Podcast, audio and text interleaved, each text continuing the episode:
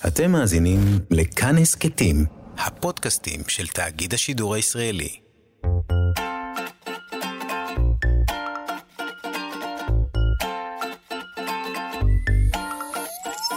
כאן תרבות מציגה. המעבדה לילדות ולילדים. ולילדים. לילדות. המעבדה לילדות ולילדים. עם גיל מרקוביץ. בשיתוף מוזיאון הטבע של אוניברסיטת תל אביב. שלום, אני גיל מרקוביץ'. אם האזנתם לכל הפרקים עד עכשיו, אז זהו המסע ה-20 שלנו יחד. למדנו כל כך הרבה, ואני יודעת שיש עוד הרבה מה לשאול. אני מקווה שנצליח להשיב על השאלות גם הפעם. אפשר לשתף את ההורים במחשבות שיצוצו תוך כדי האזנה לפרק. ואם אתם כבר יודעים ויודעות לכתוב, אז אפשר לאסוף את השאלות על פתק ולחזור עליהן בסוף. מוכנות? מוכנים? הפעם נרד אל מתחת למים. קחו נשימה עמוקה.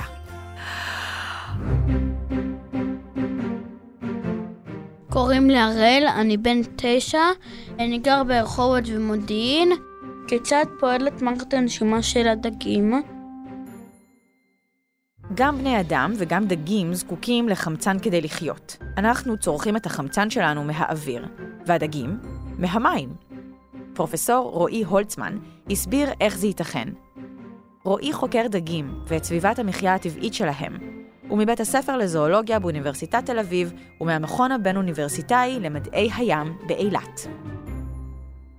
הנשימה היא פעולה שמטרתה להכניס אוויר טרי אל הריאות ולהוציא מהן את האוויר המשומש. כשאנחנו שואפים אוויר, האוויר זורם דרך הפה או דרך האף אל הריאות וממלא אותן. כך מתרחב חלל הריאות כמו בלון שמתנפח. כשאנחנו נושפים אוויר החוצה, אנחנו מצמצמים את נפח הריאות והאוויר יוצא החוצה, ממש כמו שמוציאים אוויר מבלון.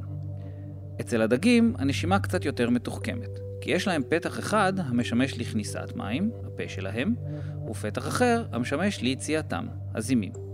החמצן נכנס אל מערכת הנשימה של הדגים באמצעות המים, ומהמים הוא עובר למערכת הדם. כדי להכניס מים לגוף, הם פוערים ומרחיבים את חלל הפה. כשהפה נסגר, נפתח פתח אחר שנמצא בחלק האחורי שלו, המכונה מכסה הזימים. בשלב הזה, חלל הפה מתכווץ והמים נדחפים לאחור. במים, תכולת החמצן נמוכה יותר מתכולת החמצן באוויר, וקשה יותר לסנן חמצן ממים. לכן בעצם, כל המים שנכנסו מהפה יוצאים דרך הזימים, וכל מחזור של נשימה מכניס מים טריים ועשירים בחמצן. מערכת הזימים היא מערכת עדינה מאוד של כלי דם, שמסתעפים ויוצרים מבנה תלת-ממדי מורכב של תעלות צרות מאוד. במרכז כל תעלה זורמים המים הנכנסים בפעולת הנשימה, והדפנות שלה עשויות כלי דם. כלי הדם הללו הם נימים עדינים, צרים כל כך עד שרק כדורית דם אחת יכולה לעבור בהם. הדופן של כלי הדם דקה במיוחד, כך החמצן שבמים יכול לחצות אותה בקלות ובמהירות, ובתהליך של דיפוזיה לעבור אל הדם. כלומר, החמצן לא מתכוון בכוונה להיכנס אל מערכת הדם, זו לא המטרה שלו, אבל אטומי החמצן נמצאים בתנועה מתמדת ולכל הכיוונים באופן אקראי, וכשהם לכודים בתוך החלל הקטן הזה של כלי הדם, אטומי החמצן פשוט נתפסים בכדורית. בשלב הזה, החמצן נמשך ונקשר אל ההמוגלובין שנמצא בתוך כדורית הדם. המוגלובין הוא מבנה שמורכב מכמה חלקים, מולקולה, שמכיל הרבה ברזל. ברזל חיוני לייצור דם. אם אין מספיק ברזל, לא יהיה מספיק המוגלובין, כלומר, לא יהיו מספיק כדוריות דם אדומות שיישאו חמצן, והנשימה של הדגים תיפגע. וואו, למדנו הרבה מאוד שמות של חלקים ותהליכים במערכת הנשימה, והבנו שהיא מורכבת מאוד. הכירו את אדם. أنا اسمي آدم ساكن في بيت صفافة عمري تسعة אדם התעניין בדג מסוים. ما غذاء سمكة الزبال כשפניתי לפרופסור נועה שנקר ושאלתי אותה את השאלה של אדם, היא פרצה בצחוק. נועה היא ביולוגית ימית מבית הספר לזואולוגיה, כלומר, היא חוקרת יצורים שחיים בים, והיא גם עוצרת את אוסף חסרי החוליות הימיים במוזיאון הטבע. הדג שנושא את השם הארוך והמסובך הזה הוא דג מסדרת הספמנונאים, כלומר, הוא אחיין רחוק של הספמנון שאנחנו מכירים. הוא חי בנהרות, במים מתוקים, ובמקור הוא מדרום אמריקה. ועכשיו, שימו לב. הדג הזה אוכל הכל. יש לו פה תחתון שנראה כמו שואב אבק, והוא אוכל את כל מה שמצטבר על האבנים בנהר ואת מה שמסתתר בין האבנים, למשל סרטנים קטנים, חסרי חוליות קטנים ותולעים. אם הוא באקווריום, הוא אוכל את מה שמצטבר על הדפנות של האקווריום, למשל אצות, הוא אוכל גם את כל האוכל שנרכב על הקרקעית. לא סתם הוא קיבל את השם דג חם.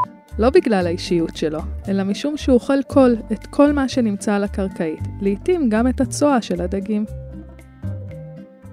כשקונים אותו לאקווריום הביתי הוא קטן מאוד, אבל הוא גדל לממדים גדולים. למשל, במשרד שלי היה דג מהסוג הזה שאימצתי, והוא גדל אצלי לגודל של דף A4. הדג הזה חי שנים רבות, והוא גדל. הוא כבר לא מסתפק באכילת מה שמצטבר בדפנות האקווריום. הוא רעב מאוד, ואז הוא מתחיל לאכול את האוכל שמאכילים בו את יתר הדגים.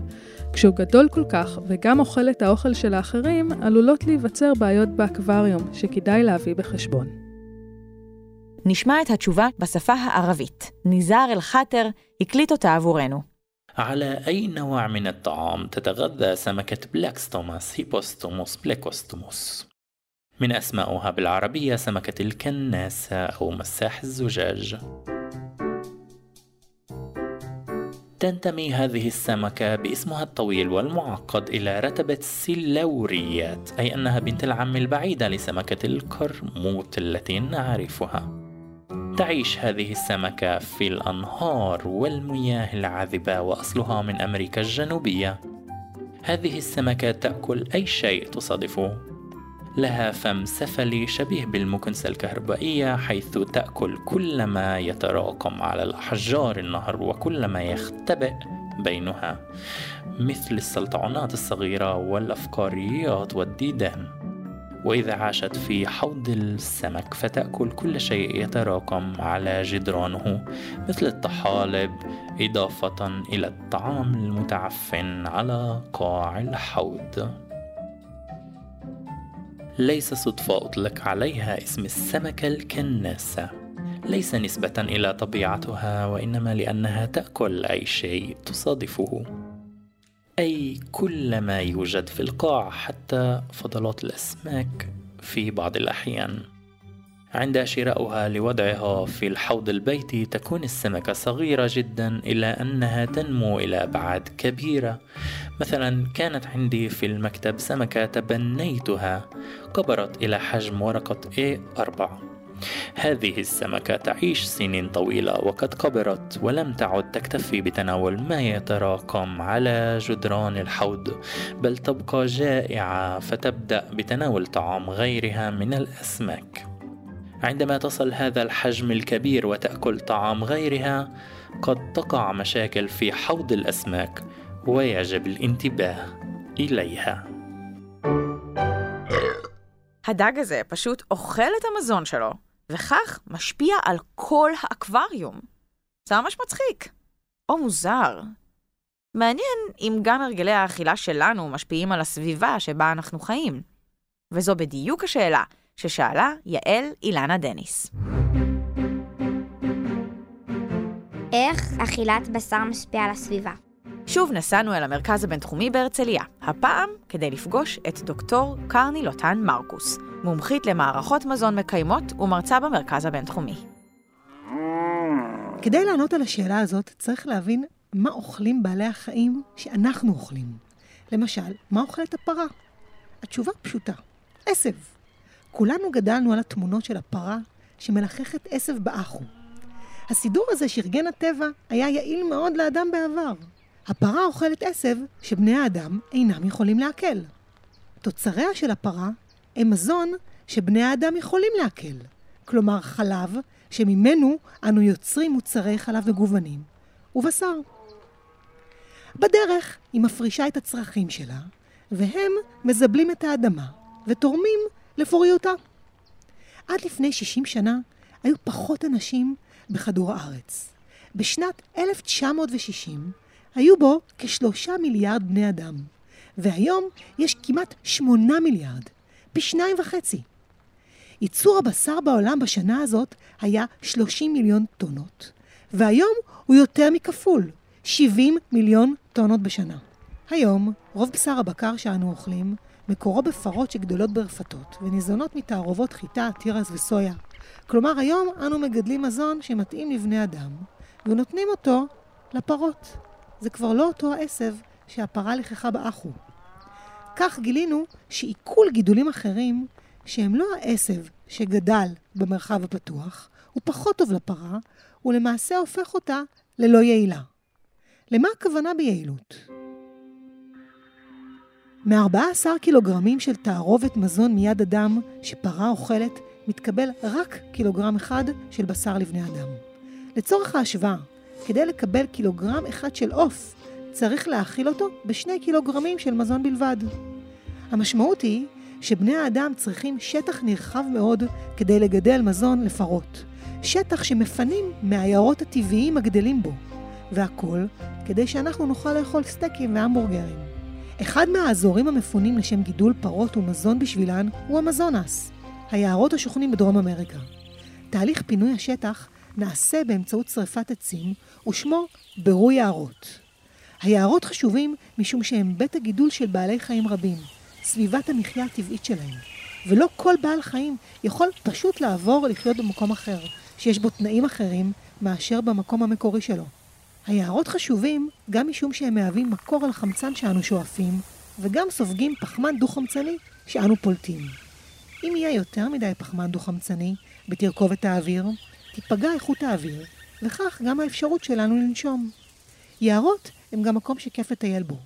פינוי היערות לשם גידול מזון לפרות הוא תוצאה ראשונה, קשה ונרחבת של אכילת בשר. עוד השפעה הנגזרת מכך שבני אדם אוכלים בשר, היא שכדי לגדל מזון לבעלי חיים, ובתוכם לפרות, כגון תירס וסויה, נחוצים עוד משאבים מלבד הקרקע שהזכרנו, למשל מים ודשן. דשן הוא המזון של הצמחים. רוב הדשנים מופקים במפעלים שמשתמשים באנרגיה המזהמת את כדור הארץ ופוגעת בבריאות האדם. הדשנים גם מחלחלים לאדמה, וממנה אל מקורות המים שלנו, וגורמים לפגיעה נוספת באדם ובסביבה. השפעה שלישית של אכילת בשר על הסביבה קשורה למספר האנשים בכדור הארץ.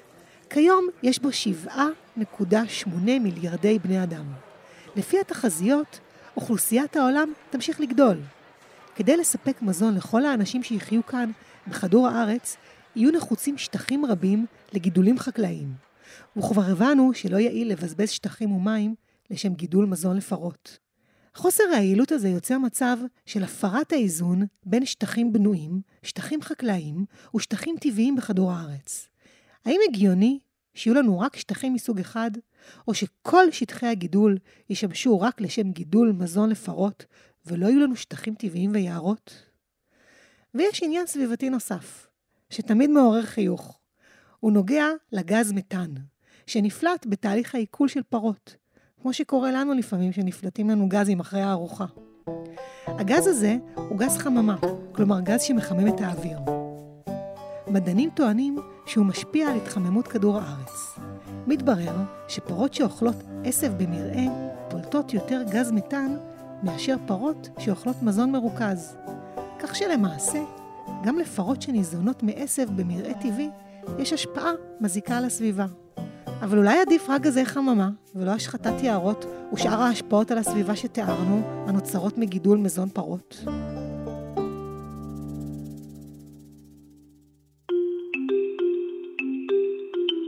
בואו נסכם את הפרק. למדנו שמערכת הנשימה של דגים היא מערכת מתוחכמת, שבה פתח אחד לכניסת מים ופתח אחר ליציאה. החמצן נכנס אל מערכת הנשימה של הדגים באמצעות המים, ומהמים הוא עובר אל הדם. אבל יש שלבים בדרך. כדי להגיע אל הדם, המים שנכנסו עוברים במערכת הזימים העדינה והמסועפת. במערכת זו נמצאים גם הנימים הצרים, בעלי דופן דקה במיוחד, ובזכות כך, החמצן שבמים יכול לחצות את הדופן במהירות. צריכת החמצן של כל מיני הדגים זהה, אבל צריכת המזון שונה. כלומר, כל מין של דג אוכל מזון מעט אחר. הכרנו דג מסדרת האספמנונאים, שחי במים מתוקים ואוכל הכל. גם סרטנים, תולעים ואצות, אבל גם את מה שמצטבר ונרקב בין האבנים. באקווריום קל לראות שהוא זולל אפילו את הצואה של דגים אחרים. למדנו שהוא גדל בקלות, וכשהוא גדול יותר, הוא רעב יותר, ואז הוא אוכל את האוכל של הדגים האחרים באקווריום, ועלולות להיווצר בעיות. המקרה של האקווריום שבו גדלים מינים מגוונים של דגים וצמחי מים, חושף אותנו לקשרי המזון שבטבע. השם של הקשרים האלה הוא מארג המזון. למדנו עוד על מארג המזון כשגילינו מה אוכלת הפרה שחיה ברפתות, ואילו משאבים נחוצים כדי לגדל עבורה את האוכל. שטחי בר שהופכים לשטחי חקלאות, מים מתוקים להשקיה ושימוש בדשן, שמזהם את האוויר ולעיתים מזהם גם מקורות מים, וכך פוגע בבריאות האדם. להסברים האלה הוספנו נתון חשוב. אוכלוסיית העולם ממשיכה לגדול, אז במשך הזמן יש יותר ויותר אנשים שאוכלים בשר. זאת אומרת שכדי להצליח לספק בשר לכולם, צריך להשתמש בכמות גדולה יותר של מים מתוקים, בכמות גדולה יותר של דשן, וגם לפנות עוד ועוד שטחי בר.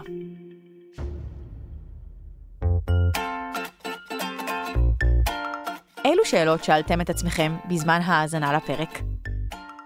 תודה רבה לפרופסור רועי הולצמן, פרופסור נועה שנקר ודוקטור קרני לוטן מרקוס. תודה למפיקת התוכנית, רות דוד אמיר. תודה גם לשלומי יצחק, ליטל אטיאס, אריאל מור, דבורה סוויסה ורומן סורקין, שהם הטכנאים באולפן, לארדן מרציאנו, שהביאה את התוכנית לשידור. תודות מיוחדות לעורכת הסאונד שלנו, רחל רפאלי, דוקטור סמדר כהן, עורכת שותפה ויועצת לשון, נור דראושה וניזאר אל-חאטר, מלחין, מנצח, עורך ומגיש את תוכנית אלחן, בכאן תרבות. מוזמנות ומוזמנים לחפש את התוכנית. תודה לכם ששלחתם אותנו לחפש תשובות לשאלות מרתקות. נשתמע בפרק הבא.